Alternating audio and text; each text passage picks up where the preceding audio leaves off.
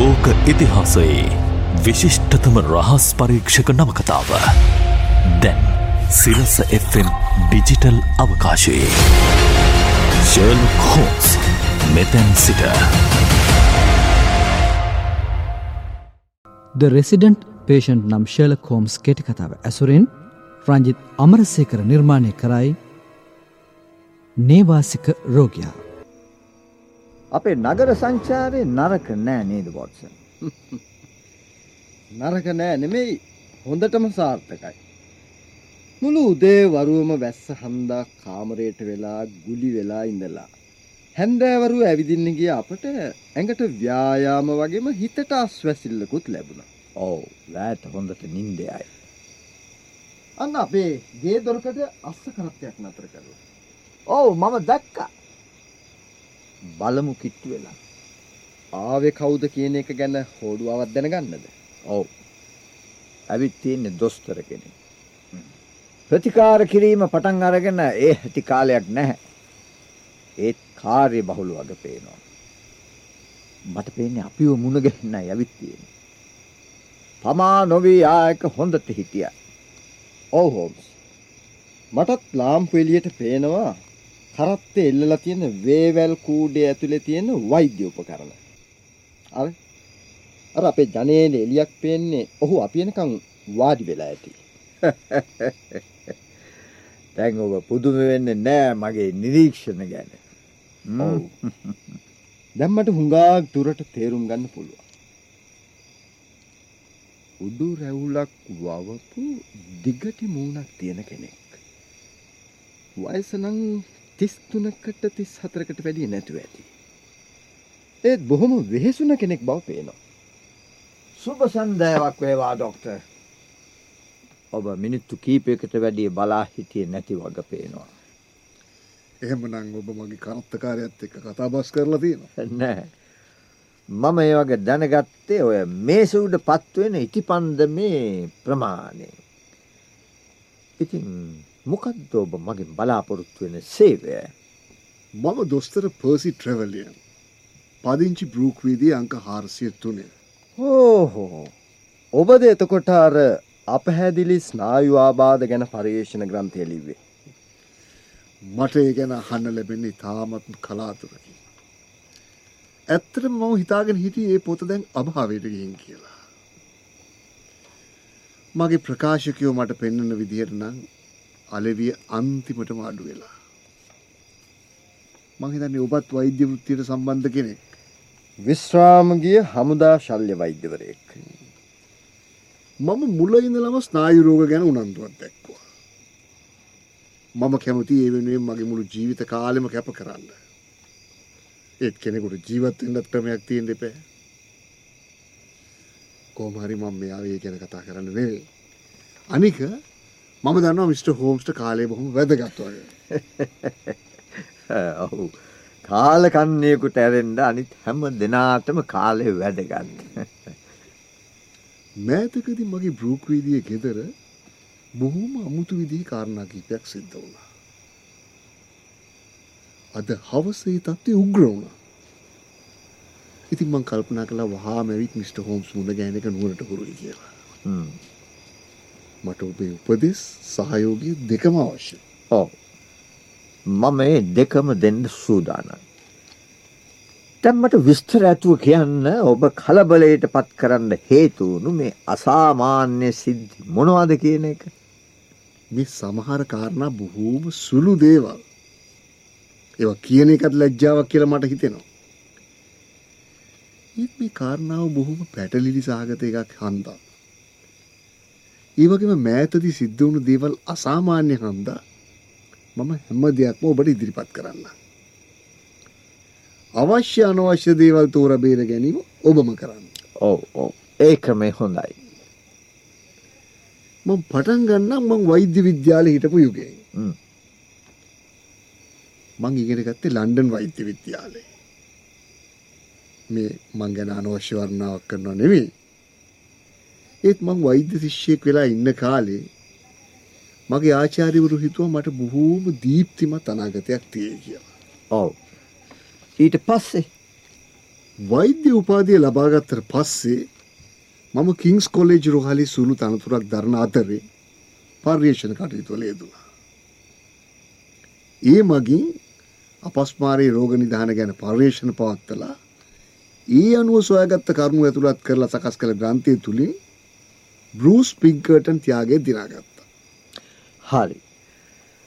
ඒ පොත ගැන තමයි එතකොට දැම්මගේ මිත්‍රයා වොට්සන් කිව්වේ. ඔව්. මට මගේ වෘත්තිය තුළ බොහෝම ඉක්මනින් ඉදිරියට එන්න පුළුවන් වෙයි කියන එක ගැන ඒ මොහොත වෙනකොට කිසිම සැකයක් තිබුණේ නැහැ. ඔව් දක්ෂයට තැන ලැබෙන්න ඕනේ.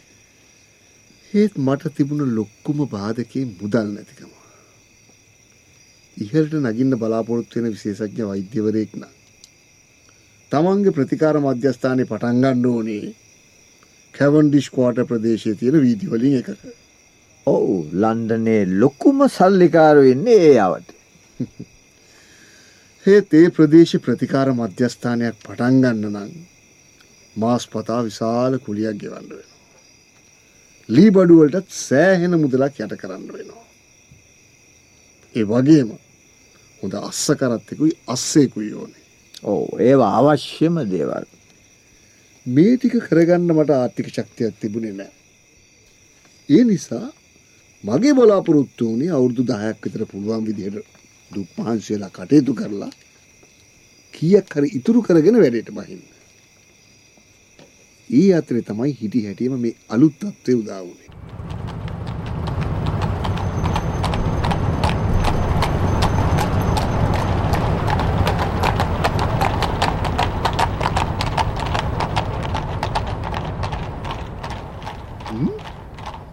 පුදුමයක්. මගේ ගෙදර දොර කුඩයි අස්ස කරත්ති නතර වුණේ. කවුද මාව හම්බෙන් අස්ස කරත්තකින් එන්නේ. එකත් එකට වැරදීමක් වෙන්න ඕනේ. ඔබ වෙන්න ඕන මේ ළඟදී බෘස් ප්‍රින්කටන් ත්‍යාගේ දිනාගත්ත දොස්තර පර්සි ට්‍රෙවලි. ඔව් මම තමයි. වාඩි. මම බ්ලෙසින්ටන්. මං අහන්න ප්‍රශ්නවලට කෙලින් උත්තර දෙන්න. එහෙම කළොත් එක ඔබේම යහපතට හේතුවෙයි. මිනිහෙකුට තමන්ගේ ජීවිතය සාර්ථක කරගන්න අවශ්‍ය බුද්ධිය ඔබළඟ කිසිම අඩුවක් නැතුව තියෙනවා. ඊට අවශ්‍ය උපාය ඥානයත් ඔබ ළඟ තියෙනවාද? මං හිතනවා මගේ ළඟ තියනවා කියලා. නරක ඇබ්බැහිකන් එහෙම තියනවාද? මං අහන්නේ මේ බීම වගේ. මොනවද මේ කියන්නේ? හරි කමක් නැහැ කමක් නැහැ. ඒත් ඒ ප්‍රශ්නේ නාහ බෑ. මේ ඔක්කොම දක්ෂකම් තිබිලත් ඔබ ඇයි තාම මේ තත්ත්වෙම ඉන්නේ? මටත් ඒක හිතා ගන්න බෑ. මං කියන්නම්. අර පරණ කතන්දරේම තමයි. ඔළුව හිස් නැති වුණාට සාක්කු හිස්. හොඳයි. මම ඔබට බෘක් වීදියේ තැනක් ලෑස්ති කරලා දුන්නොත්? මොකද ඔබ ගැන කියන්නේ? මට මට ඔබ කියන නෑ නෑ නෑ. මම මේ යෝජනාව ගෙනාවේ ඔබේ යහපත වෙනුවෙන් නෙවෙයි. මගේ යහපත වෙනුවෙන්. මම බොහෝම අවංකව කතා කරන්න. මේ යෝජනාව ඔබට ගැලපෙනවා නම් මටත් ගැලපෙනවා. මගේ ළඟ පවුම් හත් අට දාහක් තියෙනවා. ව්‍යාපාරික යොදවන්න. මම ලෑස්ති ඒ මුදල ඔබ වෙනුවෙන් යොදවන්න. මොකක්ද ඒකට හේතුව? මුතුවෙන් කියන්න දෙයක් නෑ. මේකත් වෙන ව්‍යාපාරයක් වගේමයි. අනික මේක වෙන හුඟක් ව්‍යාපාරවලට වඩා අවදානම් අඩුයි. දැන් එතකොට මම මොකද කරන්න ඕනේ? මං කියන්න. මං කියන්න. මම තනක් කුලියට අරගෙන ලී බඩුයි සේවිකාවයි සපයන්න. කොටින්ම මුළු ස්ථානම පවත්වගෙන යන්නම් මම. එතකොට මම ඔබට තියෙන්නේ රෝග පරීක්ෂා කරන කාමරේ පුටුවේ දවස තිස්සෙම වාඩි වෙලා ඉන්න එකයි. එතකොට මම ඔබට අවශ්‍ය සුළු සුළු වියදම් සේරම දෙනවා. ඔබ උපයන ආදායමෙන් හතරෙන් කොටසක් තියාගෙන ඉතුරු හතරෙන් තුන මට දෙන්න ඕන. බ්ලෙසින්ටන් කියන මිනිස්සයා ගෙන යෝජනාව මහා පුදුමාකාර එකක් මිස්ටර් හෝම්ස්. අපේ කේවල් කිරීම් හෙට්ටු කිරීම් ගැන විස්තර කරලා මිස්ටර් හෝම්ස්ගේ වටිනා කාලේ නාස්ති කරන්න අවශ්‍ය නැහැ. අන්තිමේ හුඟක් දුරට ඔහුගේ කොන්දේසිවලට එකඟව අපි වැඩි පටන් ගත්තා. හරි. කියන්න ඉතුරු ටිකත්. ඔහුත් ඇවිත් මා එක්ක පදිංචි වුණා. නේවාසික රෝගියෙක් හැටියට. ඔව්. ඔහුගේ හෘදය වස්තුව බොහොම දුර්වලයි. ඒ නිසා නිතරම වෛද්‍යවරයෙක් ලවා පරීක්ෂා කරවා ගැනීම අවශ්‍යයි. ඔව් ඒක ඇත්ත. ඔහු උඩතට්ටුවේ හොඳම කාමර දෙක තමන්ගේ නිදන කාමරයයි විශිෂ්ට කාමරයයි බවට පරිවර්තනය කරගත්තා. ඔහු හැම දෙයකින්ම උපරිම වාසිය ලබා ගන්න කෙනෙක් හැඩයි. ඔහුගේ ගතිගුණ හරිම අමුතුයි. කායෙක්වත් ආසරයක් නෑ. ගෙයින් පිටට ගිය කලාතුරකින්. කොයිම දෙයකවත් පිළිවෙලක් තිබුණේ නෑ. ඒත් එක දෙයක් නම් හරි පිළිවෙලට කළා. ඒ මොකන්ද? හැමදාම හවසට. එකම වෙලාවට රෝගීන් බලන කාමරයට ඇවිත් පොත්පත් පරීක්ෂා කරලා බලලා මම උපේලා තිබුණ හැම ගිනි එකකටම සිලිම් පහයි පැන්ස තුන ගානේ මේසෙ උඩින් තියලා අනිත් සල්ලි අරගෙන ගිහින් තමන්ගේ කාමරේ තියෙන යකඩ පෙට්ටිය දාගත්තා. ඔව්. ඔහුට තමන්ගේ ආයෝජනය ගැන කොයිම මොහොතකවත් පසුතැවිලි වෙන්න සිද්ධ වුණේ නැහැ මිස්ටර් හෝම්ස්. හ්ම්. මුල්ල ඉඳලා මේක සාර්ථක වුණා. රෝහලේදී මට ලැබිලා තිබුණ ප්‍රසිද්ධිය උඩ ප්‍රතිකාර ගන්නාව ලෙඩ්ඩු දෙතුන් දෙනෙක් සනීප කළාට පස්සේ මා ළඟට එන ලෙඩ්ඩු සංඛ්‍යාව බලා ඉඳද්දි වැඩි වුණා. පහුගිය අවුරුදු දෙක ඇතුළත මං ඔහුව පෝසතෙක් කළා. ඔව්. ආදායමෙන් හතරෙන් තුනක් ඔහුටනේ. ඔච්චරයි මගේ මිස්ටර් බ්ලෙසින්ටන්ගේ අතීත සම්බන්ධ ගැන කියන්න තියෙන්නේ. හ්ම්. දැන් මට කියන්න තියෙන්නේ මෙතෙන්ට එන්න සිද්ධ වෙච්ච කාරණාව. ඔව්. දැන් පසුබිම පැහැදිලි. සුමාන තුන හතරකට කලින් මිට. බ්ලෙසින්ටන් බොහෝම කලබලින් මාළඟට ආවා. වෙස්ටෙන් වල සිද්ධ වුණ ගෙවල් බිඳුවක් ගැන කියාගෙන කියාගෙන ගියා. ඉගැන බොහෝම අනවශ්‍ය විදිහට කලබල වෙලා හිටියා.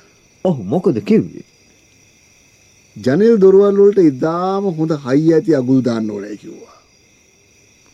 සතියක්ම බොහෝම නොසන්සුන් විදිහටයි හිටියේ. මොහොතින් මොහොත ජනෙල් වලින් එබි එබි බලන්න පටන් ගත්තා. රෑ කෑමට කලින් පොඩ්ඩක් ඇවිදින්න යන එක පවා නතර කළා. බය තිබුණේ ගෙට හොරු පණී කියලා. ඔව්.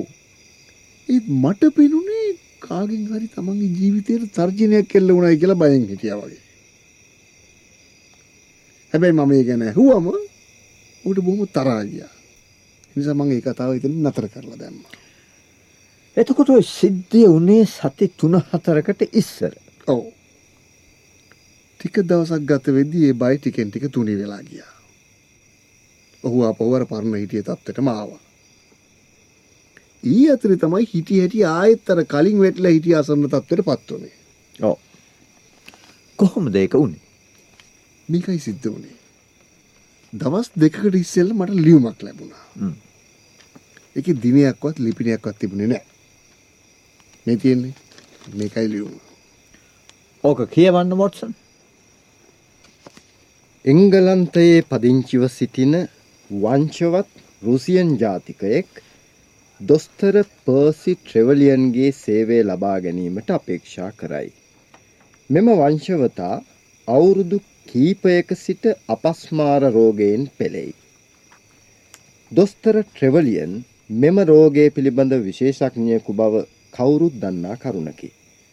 දොස්තර ට්‍රෙවලියන් නිවසේ සිටින්නේ නම් හෙට හවස හයයි කාලට පමණ පැමිණ ඔහු මුණ ගැසීමට මෙම වංශවතා බලාපොරොත්තු වෙයි. මේ ලියුම ලැබුණම් මම බොහොම සතුටු වුණා. මොකද අපස්මාරය ගැන පර්යේෂණ පැවැත්වීම අමාරු වෙලා තියෙන්නේ ඒක කලාතුරකින් කෙනෙකුට වැළඳෙන රෝගයක් නිසා. ඒ නිසා මම මේ කිව්ව වෙලාවේ රෝගීන් පරීක්ෂා කරන කාමරයටලා සූදානමින් හිටියා.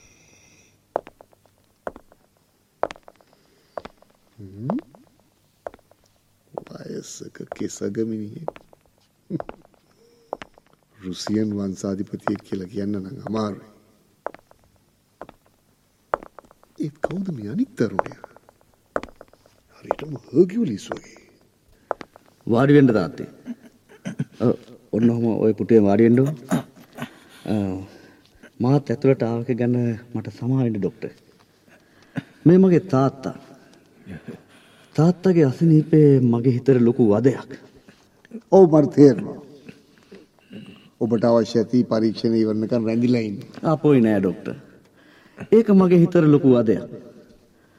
තාත්තා මේ විදිහට වෙවුලනවා ගැහෙනවා බලන් ඉන්න මට බෑ ඩොක්ට. මමත් බොහොම සංවේදී පුද්ගලෙක්. ඔබ මගේ පියාව පරීක්ෂා කරනකම් මං සාලෙට වෙලා ඉන්නම්. හොඳයි. කැමැත්තා. දැන් කොච්චර කාලයක් වෙනවද මේ අසනීපි හැදිලා? ඒක මට හරියට මතක නෑ. මේ අසනීපේ නිතර නිතර හැදෙනවද? මං අහන්නේ මේ මේ කොච්චර කාලයකට සැරයක් වගේද හැදෙන්නේ? ඒක ඒක ගැන මට හරියට නිච්චියක් නෑ. එහෙමද? දැන් ඔය ඔය ගැස්ම වෙවිලිල්ල ඇති වුනහම ඒක හුඟක් වෙලා පවතිනවද? ඔව් හුඟක් වෙලා නෑ හුඟක් වෙලා නෙමෙයි. කිසිම තොරතුරක් හරියට දැනගන්න බෑනේ. භාෂාව නොදන්න නිසා මෙහෙම උත්තර දෙනවද? එහෙම නැත්නම් කල්පනාව අඩුකම නිසාද කියන එකයි ප්‍රශ්නේ. මේ කලබල නොවි කලබල නොවි හොඳට කල්පනා කරලා උත්තර දෙන්න. වෙලා ගත වුණාට ප්‍රශ්නයක් නෑ. රෝගය හරියට තේරුම් ගත්තාම ප්‍රතිකාර කිරීම පහසුයි. හොඳයි. ලෙටේ ලෙටේ අපස්මාරේ අපස්මාරේ. ඔව් මන් දන්නවා. කවද්ද අන්තිම වතාවට එළිදි හැදුනේ? කතා කරන්න. ප්‍රතිකාර කිරීමේදී මේ තොරතුරු බොහොම වැදගත් වෙනවා. ප්‍රතිකාර ප්‍රතිකාර මට එපා මට එපා ප්‍රතිකාර. කලබල වෙන්න එපා. කලබල වෙන්න එපා. අපි මේක සනීප කරගනිමු. නිරෝගීව ඉන්න පුළුවන් නම් කොච්චර ලොකු දෙයක්ද ඒක. මට කියන්න බලන්න කාගෙන්ද කලින් මේ අසනීපේ ප්‍රතිකාර ගත්තේ? මොනවද නියම කරපු බේත් ඒ කලින් වතාවල? මට බේත් එපා. මට මොකුත්ම බේත් එපා. මගෙන් කිසි දෙයක් අහන්න එපා. මං කිසිම දෙයකට උත්තර දෙන්නේ නැහැ තවත්. එහෙම බෑනේ එහෙම බෑනේ. ඇයි බැරි? ඇයි බැරි? මන් මන් මන් නගිනවා මේ පුටුව උඩ. මොකද මේ? බහින්න බිමට. බහින්න බිමට. අපොයි ඇස් දෙකේ හැටි. හිස් බැල්මෙන් මා දිහා බලන් ඉන්නවා. ඉති ඇටි අසනීපෙ තද වෙලා. කොබලන්? හ්ම්. ඇඟේ වුණත් නෑ. නාඩි වැටිමත් සාමාන්‍යයි. ඇඟේ මස්පිඩු තදවීමක් සිද්ධ වෙලත් නෑ. හරිනම් මේ අසනීපෙට එහෙම වෙන්න ඕනේ. බයින් බයින් බයින් බයින් බැහැලා බැහැලා අර පුටුවේ ඇලවෙන්න. ආන්න හරි. අන්න එහෙම. හරි. මෙහෙම වෙලාවට නයිට්‍රයිට් ඔෆ් ඇමිල් නහයට උරන්න දෙන්න ඕනේ. බෝතලේ ඇත්ති මගේ ලැබ් එකේ. ඉක්මනට අරගෙන එන්න ඕනේ.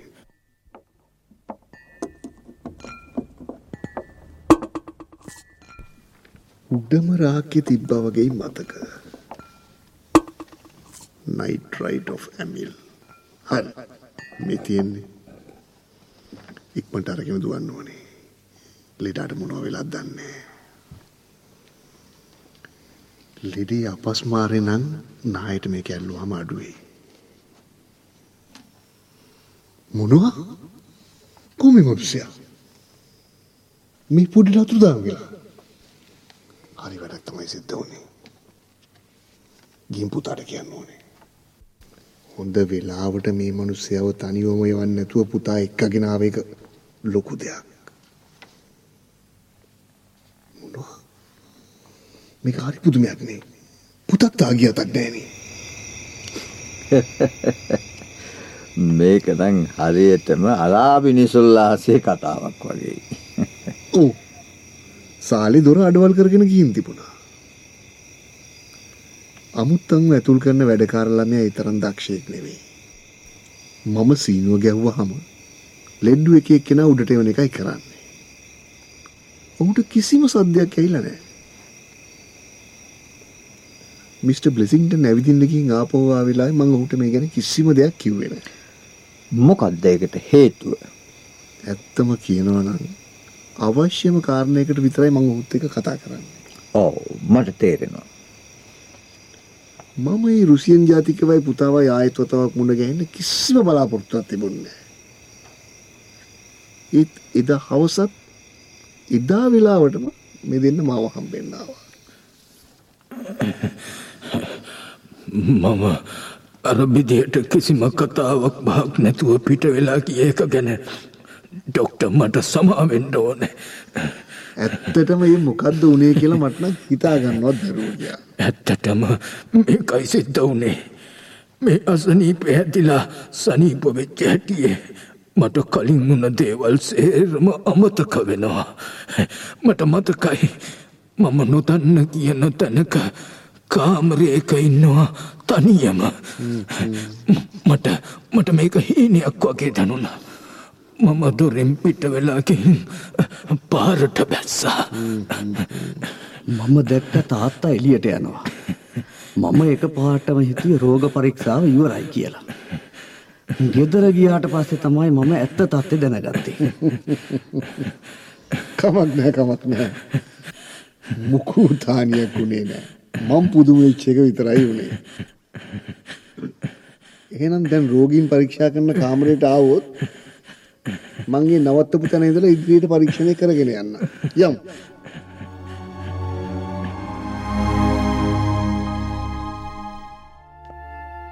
ඩොක්ටර් ට්‍රෙවිලියන් මං අහන්නේ මොකද්ද මේක තේරුම? ඇයි ඇයි ඇයි මොකද මේ? මොකද වෙලා තියෙන්නේ? මං අහන්නේ මං අහන්නේ කවුද මගේ කාමරය ඇතුළට රින්ගුවේ මම නැති වෙලාවේ? කවුරුවක්ද? ඒක බොරුවක්. අමූලික බොරුවක්. ඇවිල්ලා බලන්න පොඩ්ඩක්. නෑ නෑ නෑ. කවුරුවත් උඩ තට්ටුවට ගියේ නෑ. හරි ඕන. මිස්ටර් ප්ලෙසින්ටන් හොඳටම බය වෙලා. මේ බලන්න. මේ බලන්න. මේ කාපට් එක උඩ තියෙන සපත්තු අඩි බලන්න මේවා. ඩොක්ටර් කියන්නේ මේ විශාල සපත්තු අඩි මගේ ඒවයි කියලා. විශාල සපත්තු වැඩි. වැස්ස නිසා මඩත් තෙවරිලා. තවම වේලෙන්නවත් කාලයක් නෑ. ලිට්ටු ඇරෙන්න වෙන කිසිම අන්තිකාවෙක් නෑ. මම ලෙඩාව පරීක්ෂා කරන අතරේ අනිත් පුද්ගලයා මොකක් හරි හේතුකට උඩට යන්න ඇති. මේ කිසිම දෙයක් නැති වෙලා නෑනේ මොනවා ගෙනිච්චද මොනවා නොගෙනිච්චද කියලා මට කියන්න බෑ. ඒත් මේ වගේ දේවල් වලට මං කැමති නෑ. දෙයනේ මොකක්ද මේ සිද්ධ වේගෙන යන අපරාධේ? ඔහොම නිකන් බලාගෙන ඉන්න එපා ඩොක්ටර්. මොකක් හරි කරන්න. මොකක් හරි කරන්න මේ වෙනුවෙන්. නැත්තම් මහා විනාශයක් සිද්ධ වෙන එක වළක්වන්න බෑ කාටවත්. යන්න යන්න මිස්ටර් යන්න මිස්ටර් ෂර්ලොක් හෝම්ස් ගාවට යන්න. හරි. ඒ ඉල්ලීම උඩ ඔබ මාව හොයාගෙන ආවා. ඔව් ඔබ මායකාවොත් ඔබ මේ අභිරහස විසඳන එක කොහොම වුණත් අඩුගානේ ඔහුගේ හිතවත් හැදෙයි.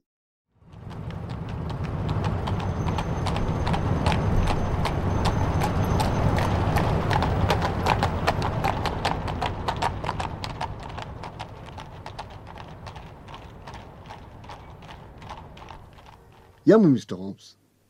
යමු ඩොක්ටර් වොට්සන්. ඔබේ ප්‍රතිකාර මධ්‍යස්ථානය හොඳ පිළිවෙලට තියෙනවා ඩොක්ටර්. ඔව් වරදක් නෑ.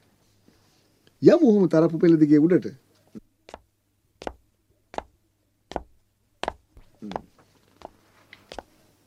එන්න එපා කිසි කෙනෙක්. කිසි කෙනෙක් එන්න එපා. මගේ අත පිස්තෝලයක් තියෙනවා. කිට්ටුට આવොත් වෙඩි තියෙනවා. මොකද්ද මිස්ටර් බ්ලෙසින්ඩන්ගේ මේ හැසිරීමේ තේරුම? ආ, ඒ ඔබද ඩොක්ටර් ඒත් ඒත් ඔය අනිත් මහත්තුරු ඒ අය ඒ අයම කියලා හොඳටම විශ්වාසද? මේ ඒ අයට අපහාස කරන්න එපා.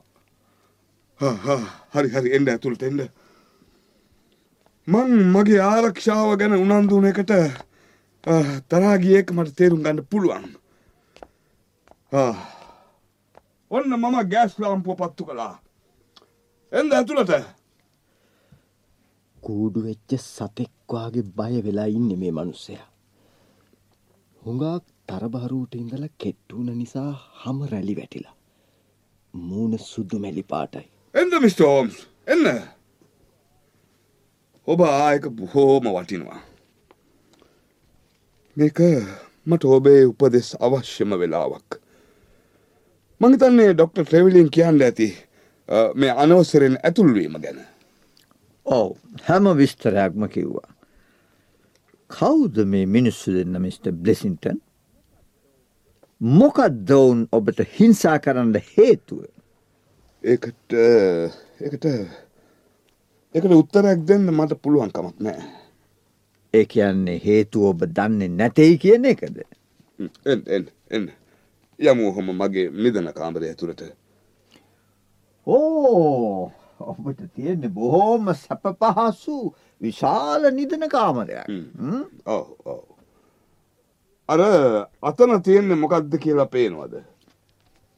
මේ ඇඳ පය පාමුල තියෙන විශාල කළුපාට පෙට්ටියද. ඔව.